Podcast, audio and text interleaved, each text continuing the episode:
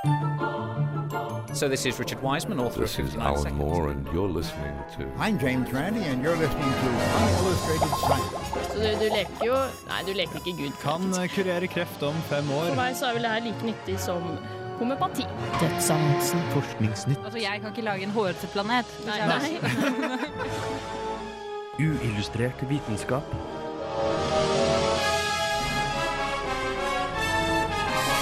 Science, it works, bitches. I dagens sending får du høre hvorfor vi egentlig alle er egoister. Hvordan du kan få presset alle videoene dine inn på én CD. Og hvordan smartbier kan forenkle hverdagen vår, men samtidig utgjøre en trussel for oss. Ja, hei og velkommen til enda en ny sending av Uillustrert vitenskap. Uh, I dag så, ja, Jeg heter som vanlig Hogne, og i dag så har jeg med meg Øyvind. Hei, hei. Eh, og egentlig så er det ikke så mange flere i studio. Det er tekniker, da. Ja, vi har en tekniker, Sigurd, også. Eh, Men han får ikke lov å si noe. Eh, Men du får kanskje også høre Agnes i løpet av sendingen, fordi dette er jo radio, og da kan jo ting spilles inn på forhånd også. Ja, Vi har vel en liten fun fact før vi setter i gang med litt musikk. Jeg har fun facten i dag, og det er salamanderen uh, Bolitoglossa dofleini, som klarer å rekke tungen sin eh, over halvparten av kroppslengden sin på syv millisekunder. Altså over 50 ganger raskere enn det vi rekker å blunke. Ganske imponerende. Det er ganske flott. Ja, snart får du høre om eh, CD-er med veldig, veldig stor plass, men først litt musikk.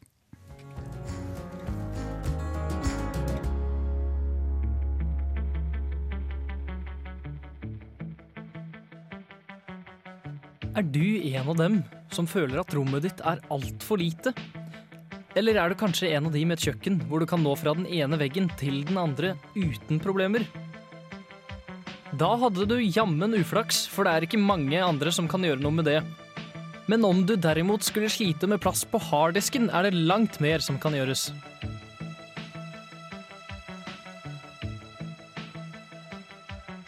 Australske forskere har nemlig utviklet en ny teknikk for å skrive informasjon til DVD-er. Faktisk har de klart å gå fra rundt 5 gigabyte med informasjon til 1000 terabyte. Eller 1 million gigabyte, om du vil. Metoden bygger videre på teknikken man bruker til vanlige DVD-plater, hvor en laserstråle med bølgelengde på 650 nanometer har blitt brukt for å lage fordypninger i platen. Senere brukes en annen laserstråle for å lese informasjonen, ved at den reflekteres annerledes fra fordypningene, og dermed kan informasjonen tolkes binært. Hvor mye informasjon som kan lagres på en plate, vil dermed bestemmes av hvor mange fordypninger man får plass til på platen. Med andre ord vil en tynnere laserstråle gi oss mer lagringsplass, og det var akkurat dette de australske forskerne fikk til.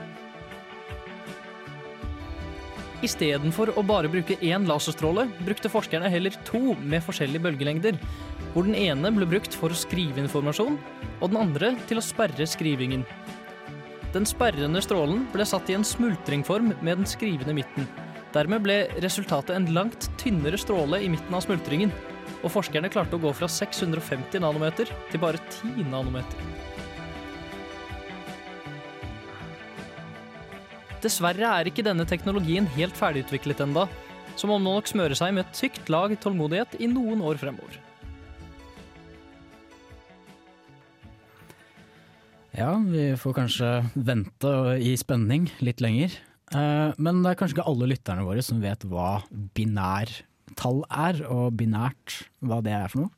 Ja, det bygger jo på totallssystemet, da. Altså, Mm. det er sånn eh, Det er sånn PC-er tolker informasjon. Du har to forskjellige tilstander som kan tolkes som ja eller nei, for eksempel. Mm. Eller Eh, av eller på, da. ja, av eller på. I de transistorene. Ja, og det er jo dette CD-ene bruker. At uh, du har to forskjellige tilstander. Du har en dal i CD-en, og så har du en topp, som man kaller det. Mm. Og sånn kan du tolke det binært, og sånn kan du få, få faktisk informasjon, tall og alt mulig rart. da. Ja. Disse toppene må vel være veldig veldig, veldig små, for jeg syns CD-ene ser veldig glatte ut. Ja, de er jo ikke veldig store. Uh, Og når jeg sier topper, så er det vel egentlig ikke topper. Uh, Det er faktisk bare ikke-hull, Mm. kan du si. Ja. Det går ikke an å se dette her på CD-en. Nei, ikke med det blotte øyet. Da skal du ha veldig godt syn, for de er jo ca. like tjukke som de laserstrålene man bruker, som er på 650 nanometer i, på DVD-er. da. Mm. Og det kan jeg også for så vidt uh, si også, at uh, i denne reportasjen min så sa jeg at uh, det var DVD-plater. Men det er jo egentlig ikke DVD-plater, fordi det er en standard for hvor tjukk laserstråle du har. eh, hvordan denne CD-platen er bygget opp, hvor mange lag med eh, Hva er det man kaller det? Med det her metallaget inni CD-en. Hvor mange sånne lag du har. Mm. eh, og sånt. Det, det bestemmes av om du kaller det for en DVD-plate eller en CD-plate. Eh, men jeg valgte jo å kalle det en DVD-plate fordi Ja. Vel, det har ikke noe navn. Da, da skjønner du i hvert fall hvordan den ser ut. da. Ja, den ser, Den ut ser veldig CD. ut som en DVD. Ja. Ja. Eh, Men eh, så har du Altså, fordi det gir jo faktisk Det gir plass til veldig mye mer informasjon bare med å minke strålen. Mm. Og det kan du se på f.eks. Blu-ray, som har en uh, tynnere stråle enn DVD. Ikke fullt så tynn som de har fått til her, da, men den har en uh, stråle på 405 nanometer, som er Mm. sånn ja, 250 nanometer mindre. Da. Og da har du plutselig plass til 50 giga, gigabyte med informasjon, istedenfor de fire som er på en vanlig DVD. da. Ja, og i framtiden så får du 1000 terabyte. Ja, altså- jeg ser for meg de filmene hvor du ikke klarer å se forskjell på noe som helst. Eller bare, det ser ut som virkelighet, da. Ja, men altså, det er jo én liten negativ sak her. Mm. Og det er at de er veldig flinke til å skrive inn informasjon, men er ikke så flinke til å lese den. Nei, det er jo Eh, kanskje litt viktig. Som i at de klarer ikke å lese den. men ja. så fort de får til det, så er det jo veldig kult. Men ja, så langt så får de jo ikke til det. Nei, vi får håpe på at det kommer en gang i framtiden. Snart får vi høre noe om smarte hus, og hvordan dette her kan brukes eh, til eh, veldig mye hverdagsnyttige saker.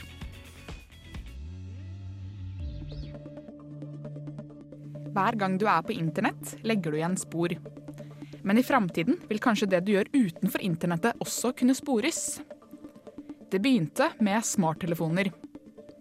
Så kom nettbrett, smarte TV-er og smarte klokker, pluss masse annet smart. Teknologien er avhengig av sensorer som registrerer hva du gjør og tingene rundt deg. Hvis du tenker deg at vi i verden har 10 milliarder sensorer, én per person, vil vi om noen år kanskje få 100 eller tusenvis av sensorer per person. De som jobber med dette, har valgt å kalle det The Internet of Everything. Hensikten er å skape såkalte smarte byer, som vil føre til bl.a. mindre kriminalitet, færre bilkøer og færre ulykker. Jeg tror at dette vil være med på å gjøre min hverdag bedre. Men noen vil kalle dette for overvåking. Jeg er ikke noe redd for dette, men er jeg litt naiv?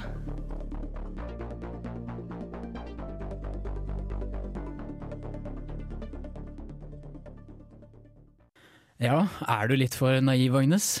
Jeg vet ikke. Altså, jeg syns jo at dette høres ut som en veldig god løsning å kunne lage sånne smarte byer, for jeg vet at det vil på en eller annen måte få kriminaliteten betraktelig mye ned. Det vil også være mer miljøvennlig. Jeg har også hørt at man kan eh, få istedenfor å dra eh, Når man drar inn i en by, så vet man at for eksempel man kan booke parkeringsplasser. Man slipper å lete etter det. Ting vil gå mye fortere. Og også når det kommer til sånn personlig, altså ned på individnivå, da, at jeg kan eksempel vite at ok, nå har jeg ikke noe mer brød igjen. Kjøper jeg det før jeg kommer hjem? Uh, det, da snakker man jo om smarthus, da, altså sensorer i huset som kan fortelle deg uh, om det du f.eks. har. Du kan stille huset inn på 'nå er jeg her', 'nå er jeg ikke her', og spare strøm f.eks. Så det også høres ut som en veldig sånn miljøvennlig løsning. Og jeg tenker faktisk, for å være helt ærlig, at jeg er egentlig villig til å ofre litt personvern for at dette her skal eh, bli satt ut i livet. For jeg syns det, det høres veldig deilig ut da, for meg og mitt liv, og kanskje også for samfunnet. At det vil bli et mye smartere, kjappere, mer effektivt samfunn. Men jeg vet jo at veldig mange Ja. folk, som f.eks. deg, er litt eh, Du syns at dette her ikke alltid Du du er litt mer skeptisk til det. Du syns ikke det er så bra. Nei, fordi ja, jeg syns jo dette er en veldig god idé, og jeg syns jo på en måte på sikt at vi, må, vi kan komme til dette punktet. Men det vi må hele tiden tenke på gjennom hele denne prosessen, at vi kommer til f.eks. smart smartbyer osv., er jo på en måte sikkerheten. Og hvis det skjer for rask utvikling, så vil ikke sikkerheten bli ivaretatt. Vi kan jo hele tiden tenke at myndighetene ikke vil eh, gjøre noe ondt mot oss. Eller eh, at eh, store bedrifter som Google og sånne ting som samler informasjon om oss, ikke har tenkt til å bruke det med onde hensikter. Og det, det tror jeg kanskje på. Men samtidig, så, men samtidig så er det jo også veldig mange andre som har kriminelle hensikter ved det. Og hvis f.eks. Uh, ja, webkameraene våre og sånne ting allerede i dag ikke har bra nok sikkerhet, så kan de på en måte overtas. Og da ser de hva vi holder på med. De kan uh, bruke det til uh, å eh, gjøre ganske mye mot oss, da. Hvilke ting da tenker du på? Hva er det du ser for deg at kan skje? Hva er det som kan Eh, misbrukes? Ja, på en måte Hvis alt er koblet opp til internett, så betyr det jo på en måte at du kan ødelegge For det første så kan du ødelegge apparater til alle andre. Hvis kjøleskapet ditt er koblet til internett, så kan de sette kjøleskapet ditt på full guffe og varme opp øh, kjøleskapet og ødelegge alt sånn, men det er jo ganske lite.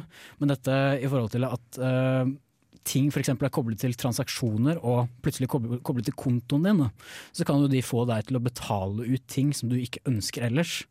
Og dermed så er det ganske viktig at øh, ja, for at ikke du skal tape masse masse penger på dette, at øh, det er en god del sikkerhet rundt det. da.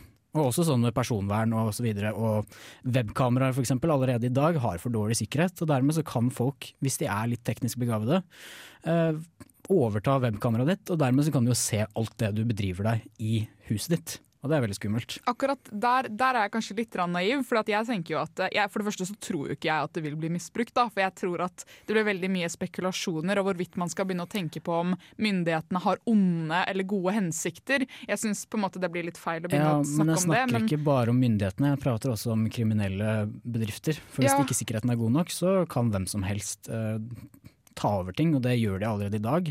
Webkameraer har ikke bra nok sikkerhet, og de blir overtatt eh, uten at du trenger å merke det heller. Fordi jeg vet at du har sagt eh, Du har nevnt at du vet, eller at du kan sånn grunnstegene til hvordan man kan hacke seg inn på en bedrift. Ja, jeg har vært på et kurs så, så hvor vi faktisk lærte hvordan hacke en bedrift. Og det gjelder jo ikke disse store, største bedriftene, fordi de er litt opptatt av sikkerhet. Men vanlige bedrifter de har ikke god nok sikkerhet. Hvis de ikke har oppdatert sånn som Java og alle andre sånne ting, og ikke har det mest oppdaterte, så er de veldig veldig sårbare for hvilket som helst angrep. Og da kan folk ta kontrollen over hele serveren på bedriften din eller på den bedriften. Og eh, de trenger ikke å vise at de er der engang, de kan bare gjøre usynlige ting, f.eks. investere på børsen når de ser at noen skal gi ut gode tall. Og det skjer garantert i dag, men det er ingen som merker det. Uh, ja, det er jo kanskje litt skummelt når det kommer til man ser i sånne store sammenhenger som du prater om nå, men jeg tenker jo også på alle fordelene som kommer ut av det. da. Og at jeg tenker at Med en gang det kommer noen ny teknologi, så blir folk helt hysteriske og veldig nervøse. Og jeg tenker at det kanskje er muligens ikke så stor grunn til det. da, At vi kanskje kan ta det litt med ro og heller prøve å høste litt av de godene som denne, det, de, disse nye smarte samfunnet kan gi oss. da. Hmm. Ja, eh, vi får eh, nesten komme oss videre. Nå får du litt musikk.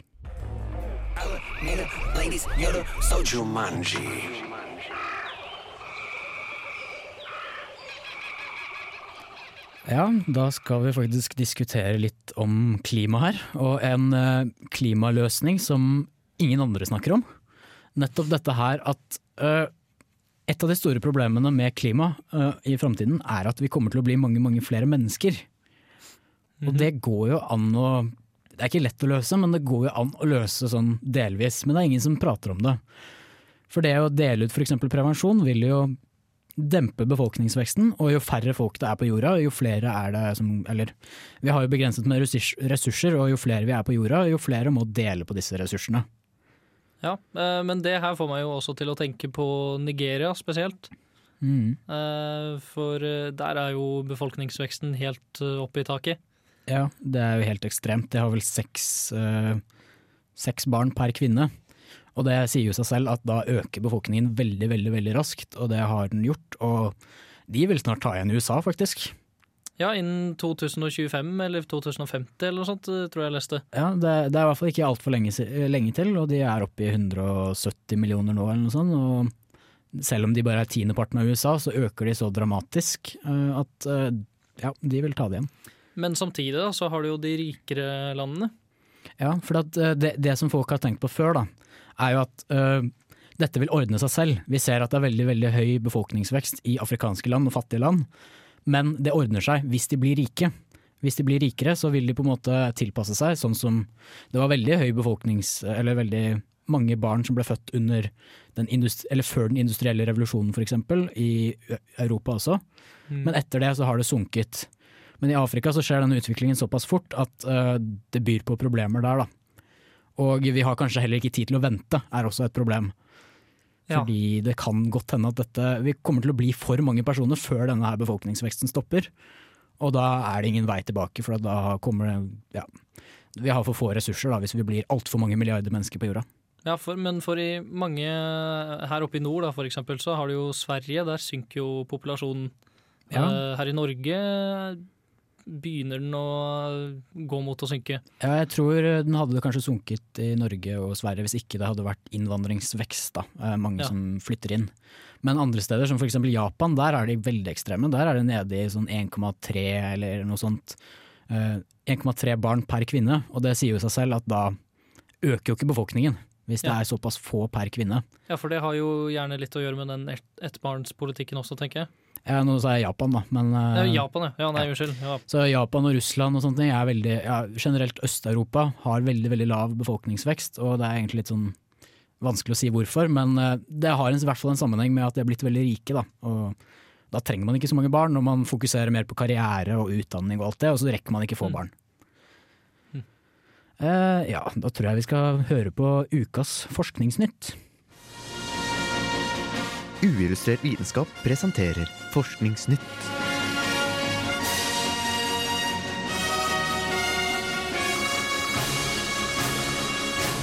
Forskningsnytt.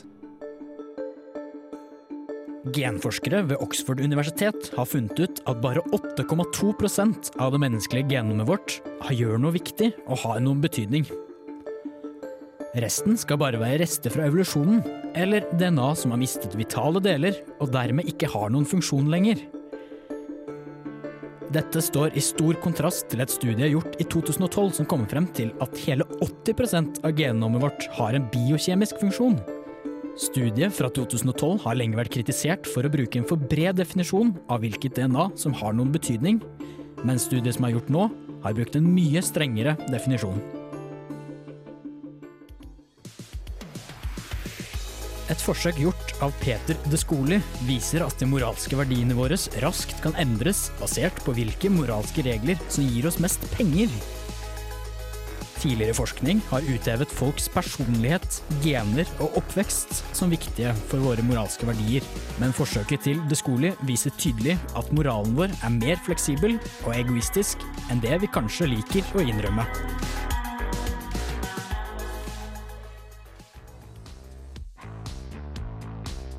Forskere ved Iowa har funnet ut at sult faktisk kan bedre avgjørelsene våre i gambling-situasjoner. De gjorde tre forsøk, hvor de to første viste at sultne personer faktisk gjorde bedre valg i gambling-situasjoner enn sine mette deltakere. Det tredje studiet viste at sultne personer også var bedre enn gjennomsnittet til å velge større fremtidige belønninger, framfor mindre belønninger der og da. Selv om man skulle tro det, var heller ikke sultne personer mer villige til å ta risikoer for å få det de ønsker.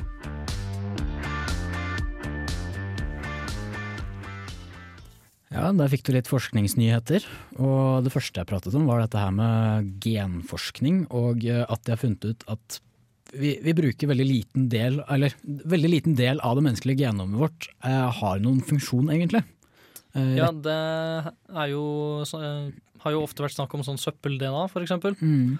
Um, men det så jeg driver og tenker på da, da er det at uh, Kan det være at det er viktig for uh, den her uh, genetiske variasjonen, for eksempel? Mm, nei, for det- dette har egentlig bare vært De sier jo da at 8,2% er det som har noen betydning og har en funksjon. Og resten av det er f.eks. rester fra evolusjonen. At det har vært noe som har hatt en funksjon tidligere, Mm. men som ikke har det nå lenger. Altså Som for eksempel det at eh, insekter har seks bein, for eksempel. Eh, ja, at det men- ligger inni oss. Eh, ja, det er mulig. Jeg vet faktisk ikke om det Jeg tror ikke det helt ligger i oss på den måten, men eh, det finnes i hvert fall på en måte evolusjonsmessige ting som halen vår, for eksempel, som kanskje er noe innebygd der, men som så er blitt ødelagt eller skrevet over, eller jeg vet ikke hvordan sånn genom fungerer, jeg tror ikke det fungerer som en datamaskin som man kan skrive over. Men uh, det er i hvert fall ødelagt på en eller annen måte slik at det ikke har noen funksjon lenger. Da. Du kan ikke bevege på halen din lenger, Nei, det er vanskelig. uansett hvor mye du forsøker. Uh, ja, så pratet vi noe om dette her med moral og slik, og at uh, man ikke At vi er litt mer sånn Litt mer egoistiske enn det vi kanskje tenker at Eller det vi håper at vi er, da. Men hvordan skal du gjøre et forsøk på det, egentlig? Eh, jo, fordi det de gjorde i dette forsøket, var at eh, de hadde en som skrev tre paragrafer. Så hadde de en annen person som skrev én paragraf. Og deretter, eller denne her ene paragrafen som den andre personen skrev, det skulle være en tilfeldig utvalgt fra en av de tre andre paragrafene de skrev. Eller de drev med transkribasjon, da, så de skrev om tale til tekst. Ja. Og ut fra hvor like de to tekstene var, så fikk de en eh, pengebelønning. Så hvis de gjorde det bra og hadde to veldig like tekster, så fikk de mye penger. Hvis det var store forskjeller, så fikk de ikke like mye penger. Hmm. Og deretter så fikk han eh, første personen som skrev tre paragrafer, muligheten til enten å fordele pengene likt, fordi ja, vi skal dele penger likt, de, selv om han hadde skrevet tre paragrafer og han andre hadde skrevet én paragraf. Eller så kunne han velge å dele ut fra hvor mye jobb du hadde gjort. Da. At han fikk 75% fordi at han skrev tre paragrafer, mens han andre skrev bare 25 Og eh, de gjorde også noen sånne spørreundersøkelser osv. på forhånd, da, for å se hva slags eh, moral, eller hva de egentlig tenkte om sånn med likhet. og ja, eh, Om man skal jobbe og få penger ut fra hvor mye man jobber, eller om man skal bare dele likt. Og etter det så så du jo at man forandret på meningen ut fra hva, hvilken situasjon man var i. da. Om eh, man fikk en fordel hvis man delte likt, eller om man fikk en fordel hvis man delte ut fra hvor mye man jobbet. Så vi er nok litt mer egoistiske enn det vi prøver å fremstå, da. Og kan forandre moral på ganske mange steder. Så var det denne siste saken, hvor du da eh, Sult påvirker og bedrer avgjørelsene våre, faktisk. Jaha. Jeg tenkte kanskje at det var omvendt. Ja, for det er litt sånn, jeg har også tenkt det. Og det er eh, også kanskje den tradisjonelle tanken da, at uh, uh, vi blir mer impulsive og kanskje mer desperate hvis vi er sultne. Fordi de fant også ut at uh, eksempel at man tar ikke mer risiko for eksempel når man er sulten. Og det, vil, og det er også noe som jeg tenker er litt sånn rart, for hvis man er desperat så burde man jo ta en risiko bare for å overleve. Men eh, det er ikke slik. Og, nei, de, de, de sier egentlig ikke helt hvorfor, men eh, man blir bedre på å gjøre avgjørelser, så kanskje man skal møte sulten på eksamen, jeg vet ikke. Det, det har jeg gjort flere ganger. Det har ikke gått så bra. Nei, Uh, ja, jeg kan jo fortelle kort hvordan de gjorde denne her, eh, spørreundersøkelsen. Uh, nei, eller disse studiene. De gjorde først to studier, hvor de da først ja, Det var en ganske avansert eh, oppgave da, som skulle vise hvor god avgjørelse du hadde, men du skulle velge noen spesifikke kort. Og så var det litt sånn vanskelig å forstå, men noen av kortene var bedre å velge fra enn andre. På en litt sånn avansert måte som man måtte finne ut av. da. Og så gjorde man forsøket på nytt igjen, og da skulle man på en måte forstå hva som var best. Og det er her da de sultne var bedre til å gjøre avgjørelsene, og faktisk løste oppgaven bedre. Så jeg syns jo dette egentlig kan være overførbart til eksamen. I det tredje eh, studiet, eh, det, ja, i det andre studiet så gjorde de det samme, bare at de gjorde de enda mer sultne. Stakkars, det var vel studenter som var eh, forsknings, ja, som forsøkskaniner. Eh, I det tredje eh, studiet så gjorde de bare en spørreundersøkelse hvor de hadde masse spørsmål som viste om du tenkte langsiktig eller kortsiktig. Sånne slike spørsmål sånn ja, vil du ha 500 kroner nå, eller vil du ha 900 kroner om 27 dager? Ja. Og da viste det seg også at uh, de som var sultne, gjorde, uh, valgte gjerne den som var liksom, langsiktig og beste løsning der òg. Så jeg syns egentlig det var veldig mye merkelig. De, de skrev ikke så mye i diskusjonen faktisk hvorfor, eller hva de tenkte var årsaken til alt dette her, da. Men uh, ja, det er noe sånn. Man møter sulten hvis man skal gjøre gode avgjørelser. Nå får vi snart uh, ja, enda litt mer prat. Jeg vet ikke hva du har funnet fram, Øyvind. Men uh, først så får vi litt musikk. Nå får du Force Field of Solitude av Perling Hiss. Hi. Uh, right, so the compression and expansion of the longitudinal waves cause the erratic oscillation, you can see it there, of the neighboring particles. Uillustrert vitenskap. Ja, det var transistor du skulle prate om, og eh, verdens minste transistor. Ja, eh, fordi eh, det her var jo to år siden, da. Men de Mm. klarte jo å lage verdens minste transistor. Du kan jo kanskje først forklare hva er en transistor, for de Ja, som ikke vet det. Det var jo for så vidt en god idé. Det er Ja, hva skal man si? Det er essensen i datamaskinlogikk. Altså Det er nødvendig for å lage datamaskiner. Mm. Eh, Det er det som gjør at vi kan få en av- og på-tilstand i datamaskinen. da.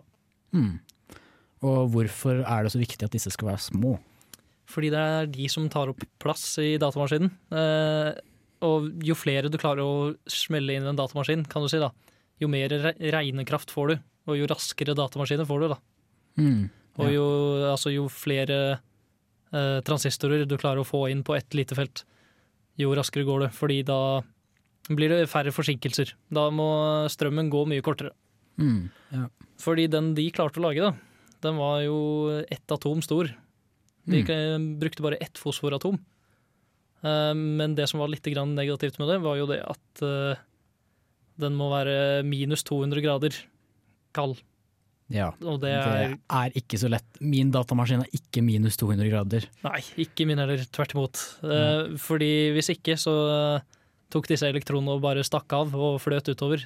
Mm. Ja. Men dette kan kanskje brukes i superdatamaskiner? Da, Kan brukes i Ja, jeg leste noe om at det kunne brukes i kvantedatamaskiner. Kvantedatamaskiner? Ja. Uten at jeg skal si for mye om det, fordi jeg har ikke Nei. helt peiling på det. Men Nei, det tror jeg er ganske mye å sette seg inn i der. Ja. Men uh, ja, uh, du kan jo forklare kort Moores law, hvis du vet hva det handler om. ja, jeg, jeg vet jo det. Eh, Jeg vet jo det, kjære deg, Hogne. Det er eh, den her som sier at eh, ja, hver 18. måned Så, ja, så reduseres uh, hast, ja, øker hastigheten, dobler hastigheten på datamaskiner. Men uh, vi får bare forte oss videre. Uh, nå får du Kayun Queen av Orango.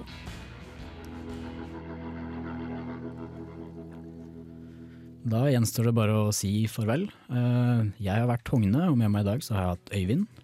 Yes, yes. Og du har kanskje hørt noe til Agnes, selv om hun ikke har vært her? Ja, Gaute derimot, han hørte ingen noe til. Nei. Eh, og vi har hatt en tekniker som heter Sigurd, og har vært eh, fantastisk bra. Vi ses neste uke. Uillustrert vitenskap er Midt-Norges eneste teknologimagasin på lokalradio. Og vi snakker om alt fra populærvitenskap til sære forskningsprosjekt ved NTNU. Radio Revolt, studentradioen i Trondheim, er stolt av å kunne presentere podkaster fra de aller mest populære programmene våre. Hvis du har lyst til å høre mer fra Radio Revolt, hvem vi er og hva slags musikk vi spiller, så kan du høre oss på FM-båndet i Trondheimsregionen, eller streame sendingene våre live på radiorevolt.no.